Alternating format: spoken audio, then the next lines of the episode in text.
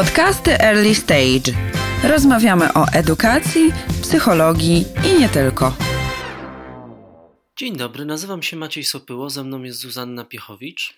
Jesteśmy trenerami edukacji medialnej i cyfrowej i to jest kolejny podcast w ramach projektu Cybermocna Szkoła organizowanego przez Szkołę Języka Angielskiego Early Stage, a partnerem projektu jest Fundacja City Handlowy imienia Kronenberga. Dziś będziemy rozmawiać o higienie cyfrowej. To jest ciekawa zbitka słów, bo higiena nie kojarzy nam się na pierwszy rzut ucha, na pierwszy słuch z y, czymś, co jest wirtualne, co jest online. To jest stosunkowo nowe słowo, nowa zbitka, która wyraża to, żebyśmy jakoś dbali o swój porządek i o to, żeby korzystać z mediów, z nowych technologii, z mediów społecznościowych tyle, ile potrzebujemy, ile chcemy, zgodnie z jakimś własnym dobrostanem psychicznym i fizycznym, więc może higiena jest dobrym słowem. Chodzi właściwie o to, żebyśmy to my decydowali i to, żebyśmy my mieli media społecznościowe, aplikacje, urządzenia ekranowe, a nie tak naprawdę one miały nas gdzieś na sznurku i pod kontrolą. Ja bym tak to powiedziała. Czy ty byś się zgodził? Tak, no i pytanie, od którego warto zacząć w ogóle myślenie nad tym tematem jest takie, jak jest dzisiaj? Jak jest dzisiaj z nami wszystkimi, czy jak jest z każdym z nas? No właśnie, to jest chyba problem wszystkich. Tak jak rozmawiamy, pracujemy w szkołach, to nie jest to problem tylko młodzieży, tak? Nie jest to problem was młodych. Jeżeli rodzice was próbują do tego przekonać albo nauczyciele, co często się zdarza, no to my się z tym nie, nie zgadzamy. To jest bardzo często tak, że to jest problem nas wszystkich, również dorosłych. Wszyscy się uczymy korzystania z nowych technologii i tutaj wiek tak naprawdę nie ma znaczenia. Ja się zastanawiam, czy słowo problem jest w ogóle adekwatne, bo słuchajcie, w tym podcaście nie będziemy moralizować. Właściwie zachęcamy do tego, abyście byli świadomi, jak korzystacie z nowych technologii i na podstawie tej świadomości, takiej wiedzy na temat swoich nawyków korzystania z urządzeń ekranowych, podejmowali świadome decyzje. Tak, zachęcamy, żebyście zapytali samych siebie, jak mi jest z tym, jak korzystam z telefonu, z laptopa z internetu, z mediów społecznościowych. Czy mi jest z tym dobrze, czy jednak coś mi w tym przeszkadza i chciałbym coś zmienić? A jeżeli mi coś przeszkadza, to co to jest i dlaczego chciałbym zmienić? I jak chciałbym zmienić? W tej kolejności dokładnie.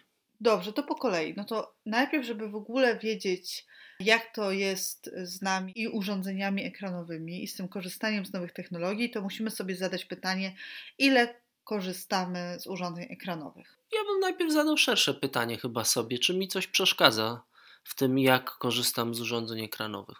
Czy czuję się jakoś źle, bo sięgam po ten telefon bardzo często, albo łapię się na tym, że on mnie rozprasza i nie jestem w stanie się skupić nawet na innej rzeczy, na której mi zależy.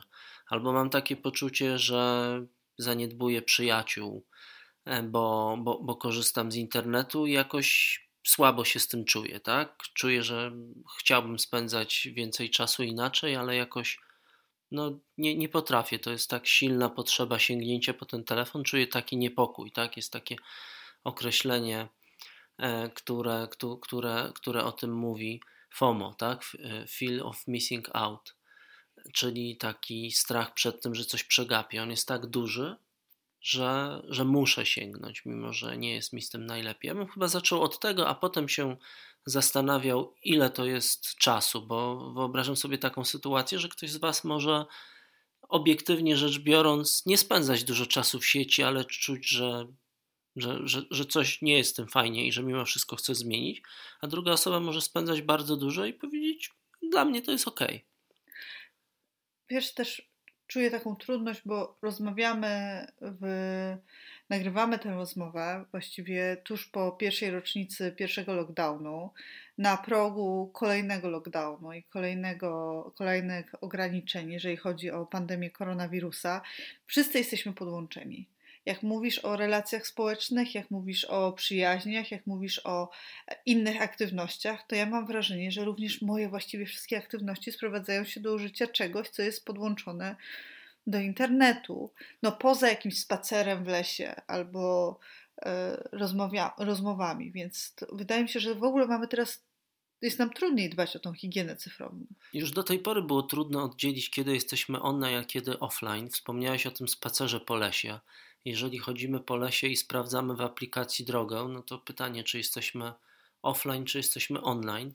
Więc myślę, że jeszcze lockdown wywrócił wszystko do góry nogami, oczywiście. Jeszcze bardziej istotne jest pytanie, po co sięgam do internetu, tak? Czy, czy sięgam tam po coś, bo, bo, bo coś mi jest potrzebne, czy, czy, czy, czy sięgam po ten internet po prostu, żeby coś przeskrolować? To jest jedna rzecz. A druga rzecz, chyba, chyba, chyba jeszcze istotniejsza niż ta pierwsza, to jest pytanie, co ja robię w internecie. Jakoś e, pewnie Was też e, wiemy to, ale nas również denerwuje bardzo takie stwierdzenie, że Ty tracisz czas w tym telefonie. No właśnie pytanie, co w nim robimy, tak? Co wy w nim robicie, co robią w nich dorośli, z, z nim i w nich dorośli, do czego go używają. Można oczywiście dojść do wniosku, że tracę czas w internecie, no ale można też tam robić wiele bardzo praktycznych i potrzebnych rzeczy.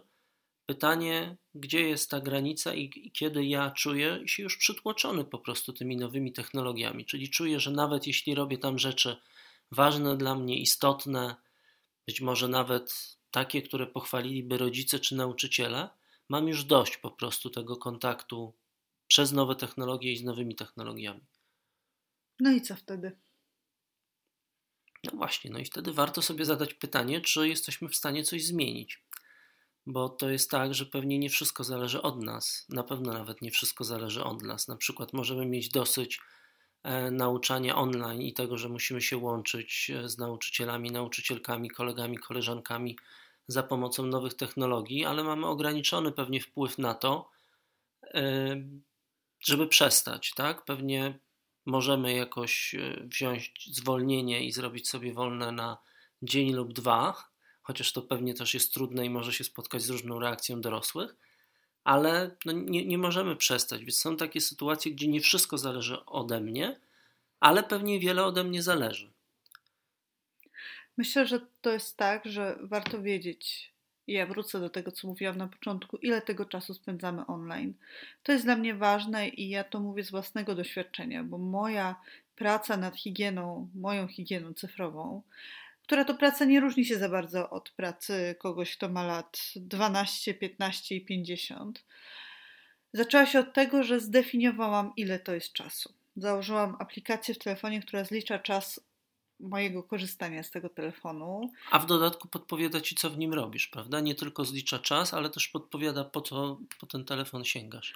Tak, e, i tę podobną aplikację założyłam na komputerze, żeby odkryć, że właściwie moje dnie spędzałam na tym, aby korzystać z urządzeń ekranowych. I ja doszłam do wniosku, do którego nie każdy musi dojść, że ja tak nie chcę i chcę zmienić to, e, zmienić ten sposób korzystania z e, internetu. Więc wiesz, zaczęłam od tego, że chciałam zmniejszyć ten czas spędzany na telefonie, bo ten czas spędzany na komputerze był częściej czasem, który poświęcałam pracy, czytaniu różnych tekstów, czegoś, co, co jest dla mnie ważne. Ten czas na telefonie był przeze mnie zdefiniowany jako ten, który spędzam w, w mediach społecznościowych, gdzie spędzam no po prostu mniej produktywnie, tak jak nie chcę.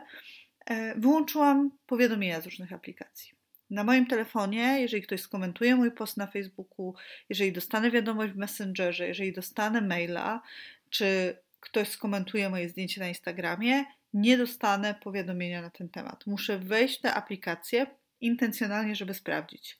I to już bardzo ograniczyło to, jak ja korzystam z tego urządzenia. W takim dokumencie, który można obejrzeć na, na Netflixie, Dylemat Społeczny, bardzo ciekawy dokument. Jest też taki fragment, w którym um, opisane jest to, jak twórcy tych aplikacji działają na nas na mechanizmach psychologicznych, na takim mechanizmie nagrody, że każdy komentarz, każdy like, każde takie powiadomienie wysyła do naszego mózgu taką substancję, dopaminę, która właściwie no, jest taką, taką substancją trochę szczęścia, która daje nam taki pozytywny high, taką ciekawość, e, żeby sprawdzić, kto skomentował, kto zalajkował, e, co tam się nowego pojawiło. Więc ja zablokowałam sobie ten mechanizm po prostu mechanicznie. Ja mam powiadomienia na Facebooku ustawione w telefonie, natomiast moją granicą jest to, że jeśli instaluję sobie nową aplikację, nawet do pracy, z której, z której korzystam i, i pracuję w jakimś zespole, to już na niej powiadomień sobie nie ustawiam. To znaczy stwierdziłem, że ta liczba sygnałów wysyłanych przez mój telefon musi być jednak ograniczona, ale też bardzo lubię czasem zapomnieć telefonu. Bardzo lubię popatrzeć na siebie, jak się będę czuł i zachowywał w momencie, kiedy przez godzinę, nie wiem, robię zakupy i nie mam telefonu i nie mam po co sięgnąć. Obserwuję sam siebie, czy mnie to niepokoi, jak ja się z tym czuję w ogóle, jak zastępuję sobie ten czas i ruch w kierunku kieszeni i telefonu e, czymś innym. Więc zachęcamy też do takiego eksperymentu, żeby odłożyć ten telefon na jakiś czas i zobaczyć, jak się z tym czujecie po prostu, czego wam brakuje, czy, czy może nie odczuwacie tego, że go nie macie, jak wam z tym jest. Zobaczcie, że to są, jeszcze raz powtarzamy, wszystkie takie rzeczy, które zachęcamy, żeby zrobić dla siebie. Nie dlatego, że musicie, nie dlatego, że ktoś wam każe, tylko po prostu dla takiego własnego poczucia i sprawdzenia, na ile te nowe technologie was wspierają i wam pomagają, a na ile to wy jesteście dla nich. A jak ty się czujesz, jak pójdziesz na zakupy bez telefonu? No właśnie, mi musi minąć trochę czasu, żebym poczuł się dobrze. To znaczy, jest taki moment, w którym czuję się niepewnie i mam ochotę się wrócić po ten telefon e, i, i, i czuję, że dużo stracę. No ale zwykle, zwykle to mija. Zwykle po jakimś czasie jakoś doceniam ten czas e, bez telefonu, co nie znaczy, że później z, z ciekawością po niego nie sięgam, gdy wrócę do domu, bo ta nagroda tam leży odłożona i o tym też jakoś warto wiedzieć, że, że no, nie jest tak, że przegapimy wszystko, bo, bo, bo to tam nie ginie, to cały czas tam będzie. Też myślę o tym, że można robić takie przerwy w korzystaniu z urządzeń ekranowych. Ja staram się robić sobie takie godzinne przerwy, kiedy odkładam telefon, wyciszam go i odkładam go tak, żeby nie był w zasięgu ręki. Odkładam laptopa i na przykład czytam książkę albo robię coś innego, nie korzystając y, intencjonalnie nie korzystając właśnie z e, telefonu, ale wiesz, właśnie muszę go położyć gdzieś dalej, bo ten odruch jest bardzo automatyczny. To jest odruch pierwszej nudy, czyli w każdym takim czasie, w którym trochę nic się nie dzieje, mamy taką, taki moment przerwy, takiego przystoju. Pierwszą rzeczą, którą robimy, to łapiemy za telefon. Tak, no to jest, to jest pierwsza rzecz, a druga rzecz, którą warto potem sprawdzić, to to, czy, czy rzeczywiście sięgam po ten telefon po coś, czy po prostu po to, żeby sprawdzić, co się, co się będzie działo, co się tam dzieje, po prostu przeskrolować ekran. Dorośli często mówią o tym, że nadużywacie internetu, że jesteście uzależnieni. No i właśnie trwa spór cały czas, czy uzależnienie od internetu, czy nadużywanie, problematyczne używanie internetu. I przy tej okazji powstają różne skale, pomysły na to, jak to mierzyć. E, I jedna z nich składa się z takich siedmiu obszarów, które są o tyle ciekawe, że warto sobie przyłożyć je do siebie, żeby zobaczyć, czy my w tych obszarach mamy jakiś problem. Więc to są takie pytania i obszary jak to, czy zaniedbywaliśmy kiedyś jedzenie lub spanie z powodu korzystania z internetu. Czy zaniedbywaliśmy przyjaciół i bliskich z powodu korzystania z internetu czy, czy mieliśmy konflikty z rodziną, przyjaciółmi z powodu czasu spędzanego w sieci? Czy z powodu internetu spędzaliśmy mniej czasu ze znajomymi czy rodziną? Czy nudziliśmy się, kiedy nie mieliśmy ze sobą dostępu do internetu? To są takie pytania, które przeczytałem kilka z tych siedmiu, które warto sobie zadać, żeby po prostu ocenić, jak Wam jest z internetem, z nowymi technologiami, z tego, jak, jak z niego korzystacie. Myślę jeszcze o takich działaniach, które nie tylko mogą pomóc zdefiniować, jak się mamy, ale też mogą tak dać nam odpocząć od tych urządzeń ekranowych, co, co jest ważne. Więc pójście gdzieś bez y, telefonu, albo w ogóle włączyć ten telefon w tryb samolotowy, albo po prostu wyłączyć internet w telefonie, aby ktoś mógł do nas zadzwonić czy wysłać SMS-a, ale ale nie, żebyśmy nie mogli się połączyć z internetem. Nie mówię, że na zawsze, nie mówię, że na stałe, ale na przykład na godzinę dziennie zdecydować się na taki ruch. Dla mnie takim czynnikiem, który mi pomaga w takich decyzjach, jest taka świadomość, że internet sprawia, że jestem jeszcze bardziej śledzony niż tylko wtedy, kiedy mam sam telefon. To jest taki powód, dla którego łatwiej mi jest się z nim rozstać, czy łatwiej mi jest go wyłączyć. Jakoś mam takie poczucie, że jestem wtedy bardziej wolny i mniej mnie można śledzić, mniej o mnie można wiedzieć. I to mi daje takie poczucie satysfakcji. Ja myślę, że ważna jest w tym wszystkim też taka świadomość, że my mamy wpływ na nasze własne decyzje. To, jak korzystamy z internetu, jest też często wymuszane przez naszych znajomych i przyjaciół. Myślę, że tu jest też duża trudność w zmienieniu czegoś. Jak sądzisz? Czyli jeżeli moi przyjaciele korzystają z Messengera albo z WhatsAppa i tak się komunikują, to w momencie, kiedy ja decyduję się inaczej korzystać z internetu, mam z nimi mniejszy kontakt. Tak, jeżeli przestaną korzystać przez godzinę i przez godzinę nie będę odbierać wiadomości na Messengerze na grupie, to po godzinie ich będzie tak dużo, że bardzo mi trudno będzie wrócić znowu do, do gry, że tak powiem. A jeżeli spotkam ich na żywo, to nie będę wiedział, wiedział o czym mówią. Można też e, wtedy ominąć e, różne konflikty, które się dzieją też na e, mediach społecznościowych, na przykład na Messengerze, bo o nie dużo łatwiej ze względu na no, pewną ubogość tej komunikacji. Dużo łatwiej jest się pokłócić na Messengerze niż twarzą w twarz, bo ktoś zobaczy albo odczyta dane zdanie z inną intencją niż zostało napisane. Wystarczą takie dwa niedopowiedzenia i już jest awantura. Myślę, że czasami przespanie takiej awantury, która się dzieje na grupowym messengerze, też jest dobrym pomysłem. Bardzo często na, na naszych zajęciach dzielicie się tym, co Wam sprawia trudność w tej komunikacji internetowej. Dzielicie się też tym, że jesteście zmęczeni różnymi rzeczami. Ciekaw jestem, na ile między sobą, też poza zajęciami, rozmawiacie o tym, bo jakoś z zajęć mamy takie, czy ja mam takie wrażenie, że to jest problem i, i, i, że to jest tak, że jak jedna osoba o nim wspomni, to następne się dzielą bardzo podobnymi. Czyli jest tutaj gdzieś płaszczyzna do tego, żeby ustalić gdzieś wspólne zasady. Pewnie trudno będzie znowu o jednomyślność, no ale po to się ustala różne zasady na różnego rodzaju komunikatorach, mediach społecznościowych, regulaminy czy zasady grup, że one są potrzebne po prostu wielu osobom i, i sporo tych zasad może też dotyczyć tego, jak często wysyłacie wiadomości, czy co nimi wysyłacie. Na przykład, że będziecie ograniczać spam, albo że z danej grupy będziecie korzystać tylko w jakimś celu, albo możecie się też umówić, że jednak po jakiejś godzinie nie będziecie sobie wysyłać wiadomości. Pewnie jest to łatwiejsze w mniejszym gronie niż w większym, no ale warto spróbować. Jakoś sugeruję to, że jeżeli sami macie takie wątpliwości, coś wam przeszkadza, to jest bardzo duża szansa, że w tej grupie jest jeszcze ktoś, komu też to przeszkadza i dostaniecie wsparcie. Możecie też się umówić, że w sprawach pilnych na przykład to SMS lub telefon, żeby móc spokojnie wyłączyć czasami ten dostęp do internetu w telefonie. To jest w ogóle też taka kolejna zasada, którą my zaczęliśmy wdrażać też chyba oboje, że zostawiamy telefon poza pokojem, w którym śpimy. Chyba istotna.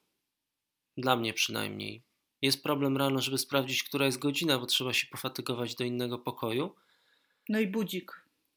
No i budzik, ale jakoś można się budzić też tradycyjnym budzikiem, to jest bardzo śmieszne. Albo, albo wiedzieć, że się człowiek obudzi sam, albo nawet y, położyć ten telefon tak, żeby budzik był nadal słyszalny, ale był poza zasięgiem.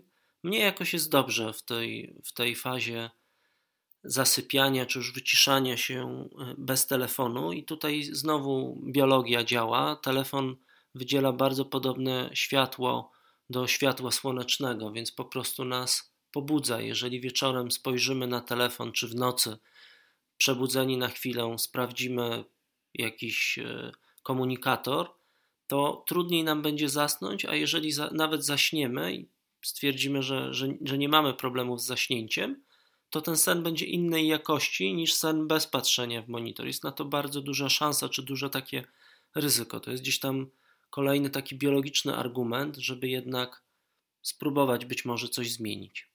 No to niebieskie światło blokuje produkcję melatoniny, która jest nam potrzebna do efektywnego snu. Myślę też, że e, zdarza nam się po prostu przegapić rzeczy w świecie offline, dlatego że jesteśmy online. I że ta świadomość na przykład może e, dużo dać, żeby próbować złapać takie momenty.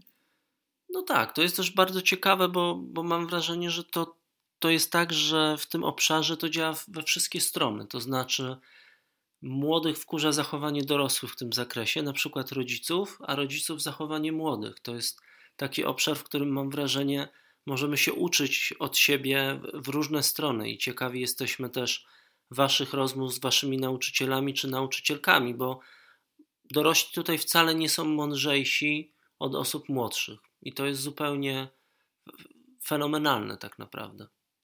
Ja mam wrażenie, że my wszyscy jesteśmy w tym stosunkowo nowi, mimo że taki powszechny dostęp do internetu to pewnie już jest kwestia prawie 20 lat, ale kwestia tak dużej popularności mediów społecznościowych w Polsce, no to myślę, że to jest ostatnie 12-13 lat. Warto sobie chyba też zrobić taką analizę dla, dla samego siebie, jak mi przybywało APEC i jak mnie przybywa w mediach społecznościowych. Spójrzcie w ogóle na swój telefon, czy macie tam takie aplikacje, z których już nie korzystacie, a które cały czas Wam wysyłają powiadomienia, a też spróbujcie sobie narysować Waszą historię aplikacji, szczególnie tych, które wysyłają Wam jakieś powiadomienia i sygnały. Zobaczcie, jak to przyrastało i zastanówcie się znowu, jak się z tym czujecie, jak Wam z tym jest. Czy to jest dla Was w porządku, czy nie, czy chcielibyście z czegoś zrezygnować i z czego możecie zrezygnować bez jakiejś, jakiegoś poczucia straty albo z poczuciem, że zyskacie coś innego. Też myślę, że prowadzenie wielu profili w mediach społecznościowych jest wyczerpujące. Czyli, żeby mieć fajne, ciekawe konto na Facebooku, Instagramie, Twitterze, TikToku, a teraz nawet na Clubhouse, to naprawdę trzeba włożyć to dużo energii. No właśnie, pytanie, czy nie lepiej skupić się na jakimś jednym kanale, czy na dwóch, czy na trzech? Co, co, co by to zmieniło, tak? Gdyby, gdyby było mnie mniej, ale gdybym miał, miała czas na to, żeby ten kanał jakoś wyglądał, żeby robić tam więcej ciekawych rzeczy. To samo dotyczy pewnie gdzieś tam komunikatorów. Czy muszę mieć na wszystkich, być na wszystkich i czy wszystkie muszą mi wysyłać sygnały, powiadomienia. Ty zrezygnowałaś i mówisz, że dajesz radę, a ludzie się nie wkurzają na ciebie, że później odpowiadasz? Wiesz co, nie, bo.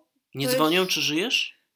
Ja zaglądam na te komunikatory, to znaczy raz na godzinę, raz na dwie godziny patrzę, co tam się dzieje, więc to nie jest tak, że ja zniknęłam i nie mam je tam kilkanaście godzin, albo sprawdzam to raz na dobę, ale to sprawia Wiesz co, nie czuję tego niepokoju za każdym razem, jak słyszę powiadomienie, że coś, coś się dzieje, ktoś czegoś ode mnie potrzebuje, ktoś czegoś ode mnie chce, ale to też wymagało przyzwyczajenia. Ale wiesz, o tych kanałach powiedziałeś, czy ale lepiej mieć... Po, poczekaj jeszcze sekundę, ale nie czujesz niepokoju z tego powodu, że wiesz, że ktoś mógł napisać, ale ty nie wiesz, co napisał, albo widzisz, że ktoś coś napisał, ale postanawiasz sprawdzę to dopiero za godzinę? Wiesz co, tak, ja odzyskałam spokój, bo nie pobudzał mnie co chwilę ten, yy, ten dźwięk. Mhm. Okej, okay, zaczęłaś mówić o mediach społecznościowych różnych zaczęłam, chciałam wrócić do tego, że ty powiedziałeś, że nie ma możliwości prowadzenia tak y, wielu mediów społecznościowych i że tego jest tak dużo. I przypomina mi się twój wywiad z Olą Bowską, Aleksandrą Jakubowską, która, YouTube, która jest youtuberką, tiktokerką i która mówi teraz, że jak dba o swój kanał na TikToku, to nie ma tak czasu, żeby dbać o swój kanał na YouTubie. I ten YouTube e, leży trochę odłogiem i że cały czas sobie obiecuje, że do niego wróci, a to są tylko dwa kanały. No tak, bo, bo nie da się za dużo i to jest pytanie cały czas, ja do tego będę wracać jakoś z uporem maniaka, bo to jest dla mnie ważne też i w mojej, nie, nie, nie, nie dla mnie ważne, dlatego żebyście wy tak też robili, ale dla mnie było ważne w moim korzystaniu z nowych technologii, jest to pytanie, jak ja się czuję z tym, ile korzystam i co mi to robi, co mi to daje, co mi to zabiera, jak ja się z tym czuję psychicznie, jak ja się z tym czuję fizycznie. To są takie pytania, które jakoś motywują mnie do tego, żeby coś zmieniać. Na przykład w najbliższym czasie postanowiłem sobie, że postaram się wydzielić sobie taki czas, w którym sprawdzam, co jest grane w moich kanałach społecznościowych, a w pozostałych będę starał się sięgać po telefon świadomie. czyli tylko po to, żeby coś w nim zrobić. Będzie tam też oczywiście czas na to, żeby zrobić coś w moich mediach społecznościowych, ale to będzie czas, żeby coś w nich zrobić, a nie żeby je scrollować i przeglądać. No i zobaczę po pierwsze, czy dam radę, a po drugie zobaczę, co to mi zmieni. Czy to coś zmieni w moim jakimś takim dobrostanie, w moim poczuciu szczęścia, mówiąc już bardzo górnolotnie, czy nie. No i zobaczę, czy wrócę do starych nawyków, czy nie wrócę. W zależności od tego, co mi to robi. To jest, zobaczcie, też taki kawałek, mam wrażenie, mojej wolności, że to ja decyduję, jak z tych mediów społecznościowych korzystam. No albo się łudzę oczywiście, że ja decyduję, bo mam, mam świadomość, że będzie wiele barier, które nie zależą tylko ode mnie, ale chcę spróbować. Dla mnie to też jest taka opowieść o samoświadomości. Tak, no ja lubię tutaj słowo wolność. Jakoś ono dla mnie jest ważne. Pytanie, na ile będę wolny, na ile jestem wolny, korzystając z telefonu. Powiedziałaś na początku, że media społecznościowe mogą być dla nas albo my dla mediów społecznościowych. No więc we mnie jest jakiś taki bunt, żeby być dla mediów społecznościowych. I to jest też coś, co mnie jakoś nakręca, bo, bo wolność jest dla mnie jakąś ważną wartością. Ale też wiesz, media społecznościowe przynoszą też dużo dobrego. No więc właśnie to cały czas nie jest opowieść o tym, że są jakieś obiektywne wyznaczniki. To nie jest opowieść o tym, że, że od tego momentu jest źle, a od tamtego momentu jest dobrze. To jest cały czas opowieść o tym, jak my się z tym czujemy, jak się czują też osoby wokół nas, bo myślę, że warto też odbierać takie sygnały od rodziców, jeżeli są szczegółowi w tym, co mówią, bo z komunikatu siedzisz cały czas w tym telefonie, no mało można wynieść, ale może można zadać pytanie, co ja takiego robię, co ci przeszkadza. Bo z, z, z tych informacji też można wyciągnąć wnioski, które będą ciekawe dla nas. Nie dlatego, że ktoś nam je przedstawia, tylko dlatego, że dochodzimy do wniosku, że one mogą zmienić coś w naszym życiu na lepsze. Jeżeli ktoś mi mówi, że nie ma ze mną kontaktu, bo cały czas patrzę w telefon, albo że trzeba mi co chwila powtarzać coś dwa czy trzy razy i jakoś jakość rozmowy się pogorszyła, odkąd tak dużo korzystam z jakiegoś medium społecznościowego, to może jest to coś, co po prostu warto wziąć pod uwagę i zastanowić się, czy ja czegoś na tym nie tracę. Czyli podsumowując, pierwszy krok to sprawdzenie, jakie się mam z tym, jak korzystam z mediów społecznościowych. Tak, i tutaj jest wiele pytań i czynników, które które warto przeanalizować. Wymieniliśmy je wcześniej. Jednym z nich jest, ale pewnie nie najważniejszym, jest czas. To, ile ja czasu spędzam. E, drugim, drugą, druga taka pula dotyczy tego, co ja tam robię i czego nie robię, jaka jest moja jakość w tym życiu offline. Kolejnym krokiem jest właśnie sprawdzenie tego czasu i co my tam robimy.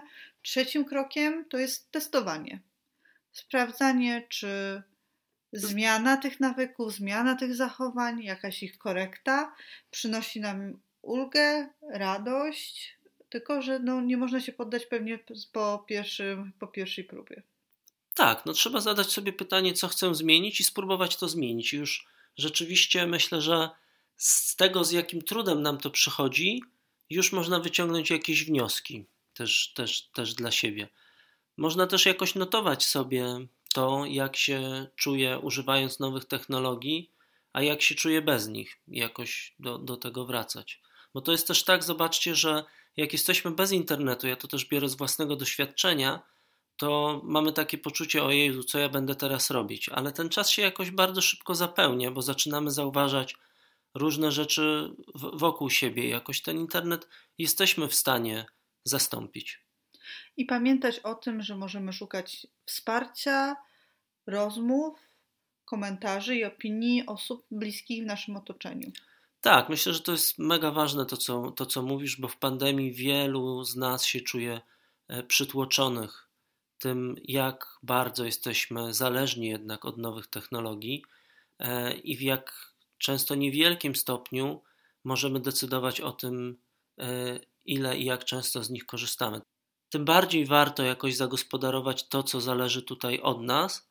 No i właśnie zdawać sobie sprawę, że nie jesteśmy sami, że wiele osób jest w takiej sytuacji i szuka pomocy, szuka rozwiązań, myśli o tym, rozmawia. Szuka pomocy, bo to też jest odważne. Powiedzieć sobie, sam nie umiem sobie z tym poradzić, a jest to dla mnie problem i poszukać pomocy. bo każdy i każda z nas ma swoją higienę cyfrową i ten czas spędzany y, z urządzeniami ekranowymi, z dostępem do internetu dla, dla każdej osoby może być inny, tolerowalny, akceptowalny od tego, który jest problemem, dyskomfortem albo czymś, co chcemy zmienić. Tak jest i najlepiej jakoś zapytać samego siebie, jak mi z tym jest i zmieniać według własnych potrzeb. Trzymamy za Was kciuki, tak abyście to Wy mieli media społecznościowe, abyście to Wy mieli urządzenia ekranowe, a nie one miały Was. Gdybyście się chcieli podzielić, czy ten podcast Wam tym pomógł i jak Wam idzie, to możecie nas znaleźć w mediach społecznościowych.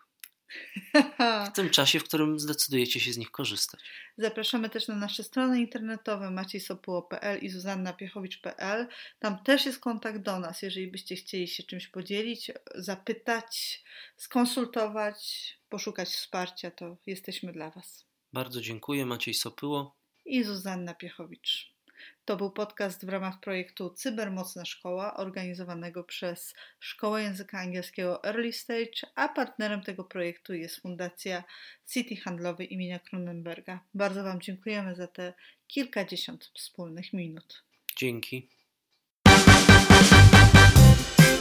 Podcasty Early Stage. Rozmawiamy o edukacji, psychologii i nie tylko.